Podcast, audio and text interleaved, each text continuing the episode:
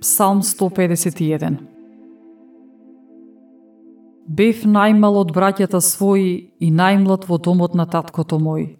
Ги пасев овците на татко ми, рацете мои направија цитра, прстите мои составија харфа. И кој да го извести мојот Бог, но самиот Господ, самиот тој ме чу, и испрати известител свој, ме зеде од татковите овци и ме помаза со мирото на своето помазание. Браќата ми беа добри и големи, но Господ не благоволи да одбере од нив. Излегов јас проти туѓенец, и тој ме проколна со своите идоли. Но јас го извадив мечот негов, го безглавив и ги спасив од срам синовите израелски.